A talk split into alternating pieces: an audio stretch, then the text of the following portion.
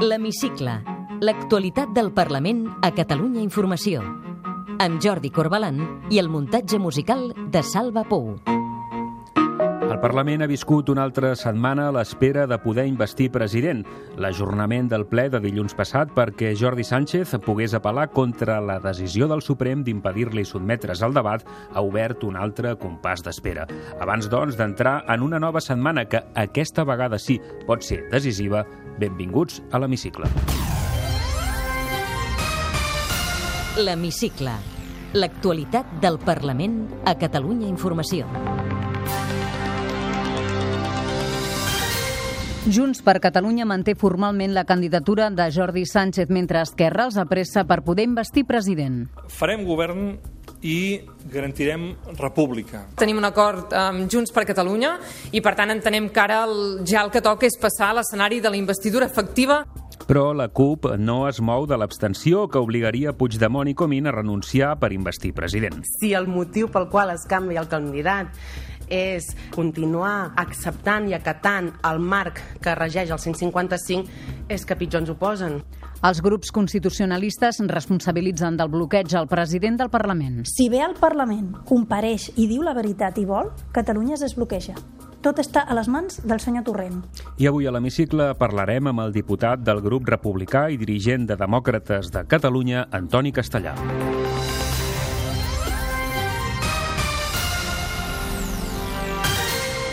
El ple d'investidura ha quedat aquesta setmana en suspens després que el president del Parlament, Roger Torrent, va decidir ajornar-lo mentre la defensa de Jordi Sánchez recorria la decisió del Tribunal Suprem de no deixar-lo anar al Parlament per defensar el seu programa de govern.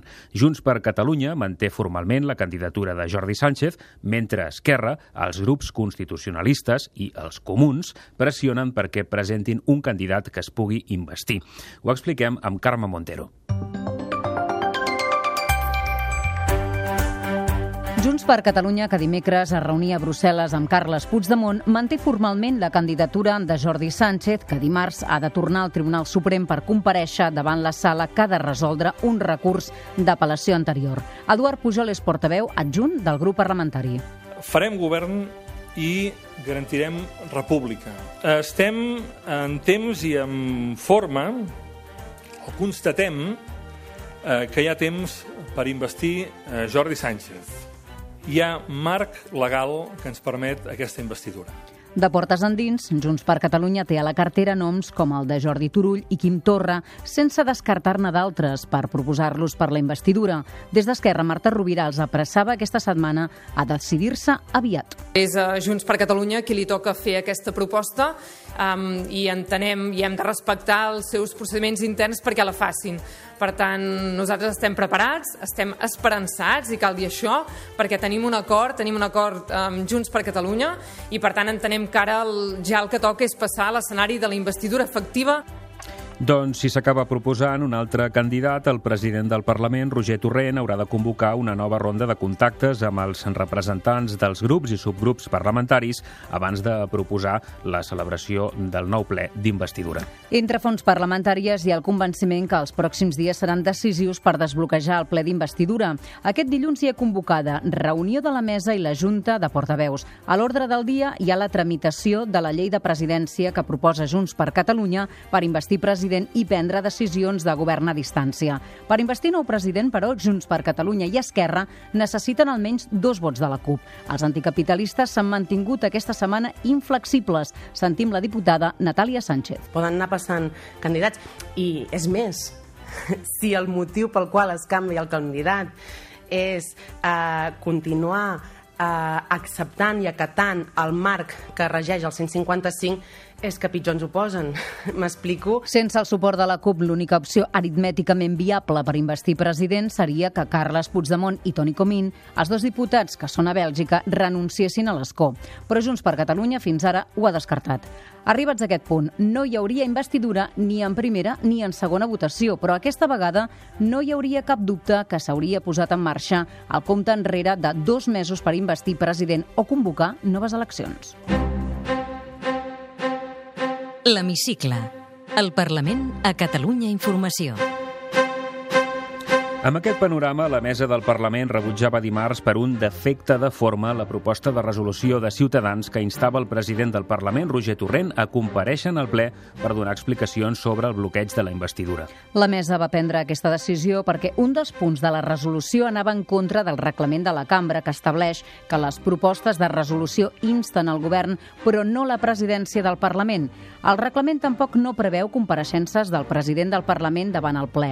La líder de Ciutadans, Inés Arrimadas, va mostrar el seu desacord amb la decisió. Si aquí s'ha declarat la independència, que si aquí s'han fet les bestieses que s'han fet, el mínim que pot fer el president del Parlament és venir al Parlament a parlar davant la gent i davant els, els grups parlamentaris. És que no hi ha cap motiu, cap, cap article que digui que el Parlament no pot eh, rebre el president del Parlament per parlar. Dilluns la mesa haurà de resoldre una petició de Ciutadans perquè reconsideri la decisió. La proposta de resolució s'hauria de debatre en un ple que també ha sol·licitat el grup de Ciutadans. D'acord amb el reglament, el ple s'haurà de celebrar, però és potestat del president del Parlament fixar-ne la data. La líder de Ciutadans, Inés Arrimadas, va enviar una carta al president del Parlament reiterant la petició que comparegués davant el ple per donar explicacions. Qui també va enviar un escrit al president Torrent va ser el president del grup parlamentari Socialistes Units per Avançar. Miquel Iceta li demanava que es replantegés l'ajornament del ple d'investidura perquè les vies de recurs que plantejava la defensa de Jordi Sánchez són d'impossible compliment en un termini raonable de temps. Iceta interpreta que Junts per Catalunya i Esquerra miren de guanyar temps mantenint la candidatura de l'exlíder de l'ANC. Jo crec que en aquest sentit s'està utilitzant la figura de Jordi Sánchez i la seva candidatura per intentar que no es vegi la veritat, que és que entre el món independentista encara no hi ha un acord sobre aquesta qüestió. La portaveu dels comuns, Elisenda Alemany, insistia en la necessitat de respondre a l'embat de l'estat espanyol aixecant el 155 amb la formació de govern. Si uns hi posen la involució democràtica, segurament a Catalunya el que hauríem de fer és posar més intel·ligència, més responsabilitat i un govern que acabi finalment en l'aplicació de l'article 155 i el líder del Partit Popular, Xavier García Albiol, no descartava que el govern espanyol acabi prenent decisions sobre el rellotge de la investidura, com comentava la setmana passada a l'hemicicle el secretari general del partit a Catalunya, Santi Rodríguez. Clar, que ho tingui que fer el govern central a través del Senat o a través de qualsevol altra fórmula, a mi li tinc que dir amb tota sinceritat, a mi que, que, que el govern d'Espanya sigui el que tingui que posar en funcionament el rellotge, a mi em semblaria lamentable. Va puntualitzar, però, que ara mateix a Moncloa no s'ho plantegen. L'hemicicle. L'actualitat del Parlament a Catalunya Informació. El Parlament vol que el Tribunal Constitucional decideixi si admet a tràmit la impugnació que va presentar el govern espanyol contra la investidura de Carles Puigdemont. L'alt tribunal va demanar a les parts que diguin si té sentit continuar endavant amb el recurs després que Puigdemont va renunciar a ser investit. El Parlament entén que el tribunal s'ha de mullar perquè les mesures cautelars sense precedents que va dictar arran del recurs del govern espanyol han tingut conseqüències. De fet, els serveis jurídics del Parlament demanen al Constitucional que aixequi les mesures cautelars per per impedir que Puigdemont pugui ser investit a distància. Aquesta setmana hi ha hagut una decisió del Tribunal Constitucional que afecta el Parlament perquè ha sentenciat que la mesa va vulnerar els drets dels diputats en l'anomenat ple de desconnexió. Mig any després de la presentació del recurs d'empara per part del PSC, l'alt tribunal resol que calia haver demanat un informe al Consell de Garanties Estatutàries per tramitar la llei de transitorietat. El TC considera per unanimitat que amb aquesta decisió la mesa va vulnerar els drets dels diputats i de les minories parlamentàries. De fet, el Tribunal Constitucional ja va anul·lar, en la seva integritat, les lleis de transitorietat i del referèndum aprovades al Parlament en el ple del 6 i el 7 de setembre de l'any passat. L'hemicicle. La veu d'Amnistia Internacional ha arribat també aquesta setmana al Parlament. La coordinadora de l'organització a Catalunya, Adriana Ribas, s'ha reunit aquest divendres amb el president de la cambra, Roger Torrent. Amnistia demana l'alliberament immediat de Jordi Sánchez i Jordi Cuixart, que fa cinc mesos que estan en presó preventiva. Creiem que els càrrecs són desproporcionats i injustificats. És per això que Amnistia Internacional demana la seva sortida immediata de presó preventiva i la retirada de càrrecs. Amnistia també ha traslladat al president del Parlament la seva preocupació pels atacs a la llibertat llibertat d'expressió. I mentre no es reprèn l'activitat ordinària al Parlament, els grups fan noves propostes. Catalunya en Comú Podem vol que es reformi el reglament per garantir també que la mesa del Parlament serà paritària. Els comuns també volen que el nou govern tingui una conselleria de feminismes i de diversitat sexual i de gènere. Sentim la diputada Susana Segovia. Perquè si volem realment recollir el guant de les mobilitzacions del 8 de març, les demandes del manifest del 8 de març i de les organitzacions, col·lectius i mobilitzacions feministes, hem de dotar el govern de la Generalitat de l'espai i la governança necessària per fer-ho. Això és una conselleria específica i, sobretot, recursos específics. El Parlament acollia dimarts un acte de celebració de la Setmana Mundial de l'Harmonia Interconfessional. Diversos ponents van exposar els seus punts de vista sobre el compromís de les religions amb la construcció de la pau. El president Roger Torrent, que va obrir l'acte, va defensar el diàleg des del respecte i l'acceptació dels drets i les llibertats fonamentals. Mai podem renunciar a tots els esforços pel diàleg, perquè del diàleg se'n deriva la pau. Un diàleg, existeixo, que pressuposa la el, el fet de pensar que existeix l'altre i de reconèixer-li els drets. No hi ha pau si no hi ha drets humans, no hi ha pau si no hi ha dignitat. La Setmana Mundial de l'Harmonia Interconfessional va ser instituïda per l'Assemblea General de les Nacions Unides al 2010 i té per objectiu fomentar el diàleg interreligiós i l'entesa entre confessions. L'Hemicicle. El Parlament a Catalunya Informació. Antoni Castellà, diputat del grup parlamentari republicà, membre de la direcció de Demòcrates de Catalunya, benvingut a l'hemicicle. Hola, moltes gràcies. Les forces sobiranistes fins ara no sembla que hagin sabut estar a l'alçada del clam que els fan arribar des dels carrers, oi? Ho hem d'intentar al màxim. Uh, tenim un bé molt preuat, que és les eleccions del dia 21, el mandat que tenim, 70 diputats, majoria independentista, davant d'un estat que no ha dubtat en exercir la violència i tenim l'obligació de posar-nos d'acord. Jo sempre dic per això que és veritat que res és normal i quan has de negociar amb organitzacions que tenen eh, líders a la presó, que tenen líders a l'exili, les famílies que pateixen, tot plegat eh, és molt més complicat. Per tant, hem de tindre tots molt clar que l'enemic, l'adversari, és qui és i el culpable és qui és, i no és altre que l'estat espanyol. I dic l'estat i no el govern, l'estat amb totes les seves institucions. Ara bé, jo espero, i nosaltres almenys com a demòcrates eh, intentarem al màxim possible el poder-nos posar d'acord el més ràpidament possible. Només per això els està costant tant investir president i formar govern o hi ha més elements que cal tenir en compte? No, cadascú tindrà els seus eh, i per tant eh, cadascú ha de respondre per ell mateix.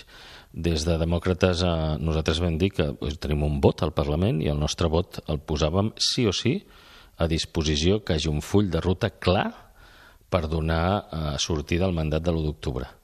I aquí no discutim en absolut eh, el qui o qui pot ser la proposta de president, Um, no que sí que discutim, perquè creiem que és el mandat democràtic, és que aquesta legislatura, amb tota la prudència, amb tot el diàleg, eh, eh, amb tota la... probablement parlar, treballar més i parlar no amb menys rodes de premsa, però segur, segur que l'objectiu últim és fer efectiva la república el mandat de l'1 d'octubre. Per demòcrates això és línia vermella. Si del que es tractava era de restituir les institucions, per què el Parlament no ha investit Puigdemont? Bé, eh, diguem-ne que aquesta posició no és compartida per tothom. Eh, anem a veure, restituir les institucions per nosaltres, per demòcrates, era quelcom molt important, eh, un instrument molt important, però no l'objectiu final. L'objectiu final si, jo crec que els oients recordaran eh, quan eh, les forces eh, republicanes vam acceptar el repte democràtic d'unes eleccions il·legítimes, allà el debat en aquell moment no era ni restitució ni qui, el debat era però per fer què? I nosaltres vam dir clarament, per fer què? Per donar continuïtat a l'únic mandat que tenim, que és el de l'1 d'octubre. Això passa per sobre de tot. La restitució és un instrument més al servei del mandat de l'1 d'octubre. Si la restitució no és per donar resposta al mandat de l'1 d'octubre, que és fer efectiva la república, llavors no té gaire sentit. Per tant, objectiu restitució, no. Restitució és un instrument per l'objectiu, i l'objectiu és fer efectiva la república l'acord o la proposta d'acord d'investidura entre Junts per Catalunya i Esquerra compleix amb el mandat de l'1 d'octubre? En aquests moments, eh, com ho tenim formulat, Uh, jo crec que sí, probablement encara hi ha que matitzar coses. I per mi el més important és la voluntat política. Um, ho vull dir clarament, també. Estem davant d'un estat que fa trampes. I probablement hem de començar a pensar que uh, les decisions que prenguem és complicat de quina manera es fan públiques perquè ho estem veient aquests dies, juguem amb un estat que no dubta en absolut, depèn del que diguis, depèn de que jo li contesti en aquesta entrevista, actuïn eh, judicialment, perquè la justícia està al servei de la política, en aquest cas. Tant, si vostè em pregunta, li diré, no m'importa tant el que diu el paper, però crec que sí, i vull entendre que tant Junts per Catalunya com Esquerra Republicana en absolut renuncien a l'objectiu final, que és el mandat de l'1 d'octubre però la CUP mm, sembla que d'entrada no se'ls acaba de creure.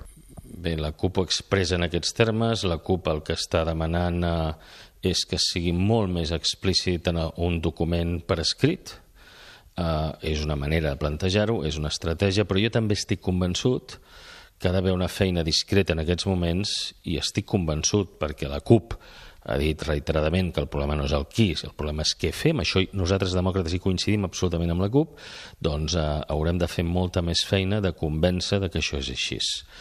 Um, si la CUP té dubtes de que sigui així, entenem raonable que estiguin fent aquest plantejament, però estic segur que la CUP en absolut treballarà en termes d'estètica. No crec, i estic convençut que la CUP no crec que volgués que les coses senzillament es posin en un paper perquè els papers ho aguanten tot, sinó el convenciment de la voluntat del que anem a fer. Sense la CUP poden construir república, poden investir president, poden formar govern, poden tirar endavant el full de ruta? A mi no m'agradaria gens. Um, jo crec que si alguna cosa ens ha portat fins aquí i malgrat tota la crítica que es pugui fer hem fet un salt enorme en termes històrics de Catalunya ho hem fet conjuntament entre tots. Mai, mai a la història les diferents ideologies pensant en termes de Catalunya s'havien posat d'acord com ara. Vull pensar en la Segona República que ens, pensa, que, que ens passava en aquell moment. Per tant, eh, demòcrates intentarem al màxim sumar el màxim possible. No seria bo que ningú, ningú, ningú quedés fora. Com pensen avançar en la construcció de la república amb aquesta pressió de les institucions de l'Estat, a la qual abans vostè feia referència, amb polítics i líders de les entitats sobiranistes, alguns d'ells diputats del Parlament a la presó i també fora a l'estranger. Com pensen avançar en la construcció de la república eh, en aquest context?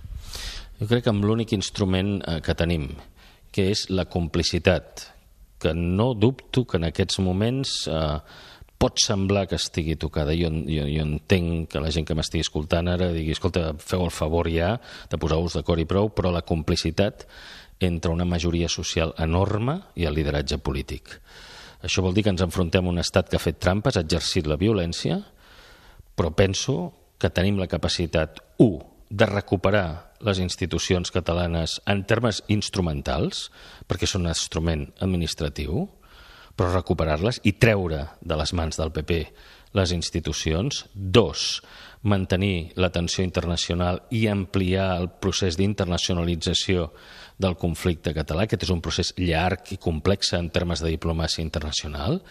Tres, eh, tenir el pols del carrer en tensió i un bon instrument ha de ser el procés constituent. Ara toca el procés de debatre quin tipus de república volem i això ha de poder acabar amb sufragi. I quart i últim i molt important, desenvolupar els instruments que en el seu moment ens portin a exercir el control efectiu del territori. La proclamació de la República al Parlament aquell divendres, aquell 27 d'octubre, va ser un, un engany? Què, què hi havia preparat per l'endemà? Mira, jo no li puc contestar què havia preparat o no, perquè jo no formava part ni del govern ni de l'estat major. Però um, la proclamació va ser feta pel Parlament, i això és un fet. Si vostè em demana una valoració, jo crec que no és moment uh, de tirar-nos pedres a sobre. Jo li diria, probablement, quan teníem que haver proclamat és el dia 3 48 hores després de l'1 d'octubre. I aquesta és la posició i la posició que vam tenir en demòcrates. Escolti, mm, i no ens vam en sortir amb convèncer i per tant el dia 3 eh, no es va proclamar. Una vegada no es va proclamar el dia 3, eh, Jo sóc de l'opinió senzillament que, doncs bueno, pels motius que sigui algun dia la història els escriurà, eh, el 3 es va fer marxa enrere. I això és el més important. Ja està, no passa res. Ens vam retirar del camp de batalla eh, i motius n'han sortit molts, però em reitero, crec que era una oportunitat proclamar el dia 3. Tot el que ha passat després és important, però jo crec que ens ha de portar a resituar les coses, tornar a agafar embranzida i en algun moment tornarem a tenir un dia 3. Qualsevol altra cosa eh, jo crec que no és pensar en la realitat. Per tant, torno a dir, 1 d'octubre l'estat espanyol fa fallida a Catalunya. El dia 3, i a més ho deia la llei, era el moment per proclamar jo formo part i formar part d'un grup parlamentari que dona suport a un govern que va decidir amb tota la informació, molta més que la jo que tinc en aquests moments, de no prendre aquesta decisió. Soc solidari. Compartir o no compartir no vol dir no ser solidari. Soc lleial al president i al vicepresident que van prendre aquesta decisió. A partir d'aquí, senzillament, el que hem de fer és rearmar-nos d'alguna manera i, igual que jo he dit abans, una proposta que pot ser discutible o no, doncs a buscar el moment, perquè s'ha d'entendre, jo crec que és molt clar, i és difícil, suposo que m'està escoltant, perquè hi ha un estat d'ànim que no és el més eufòric del món. Però ara hem aconseguit en aquests moments que Catalunya sigui un territori amb litigi. Què és un estat? Un estat és algú que controla un territori i té l'acceptació de la gent. Catalunya és Espanya en aquests moments? Plenament no. L'estat espanyol controla el territori català? Sí. Té l'acceptació de la majoria de la ciutadania? No. La república és efectiva? No. Però ho és parcialment? Sí. Per què? La república té el control efectiu del territori? No. Té l'acceptació de la majoria de la gent? Sí. I jo em pregunto, què és més fàcil o més difícil?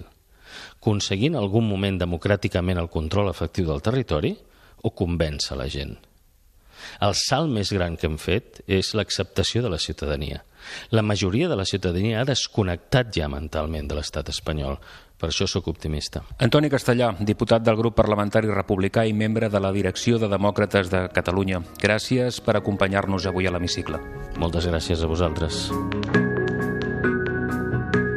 Podeu tornar a escoltar l'hemicicle al web catradio.cat barra hemicicle i seguir l'actualitat del Parlament a través del Twitter a arroba hemicicle i arroba cati guió baix política.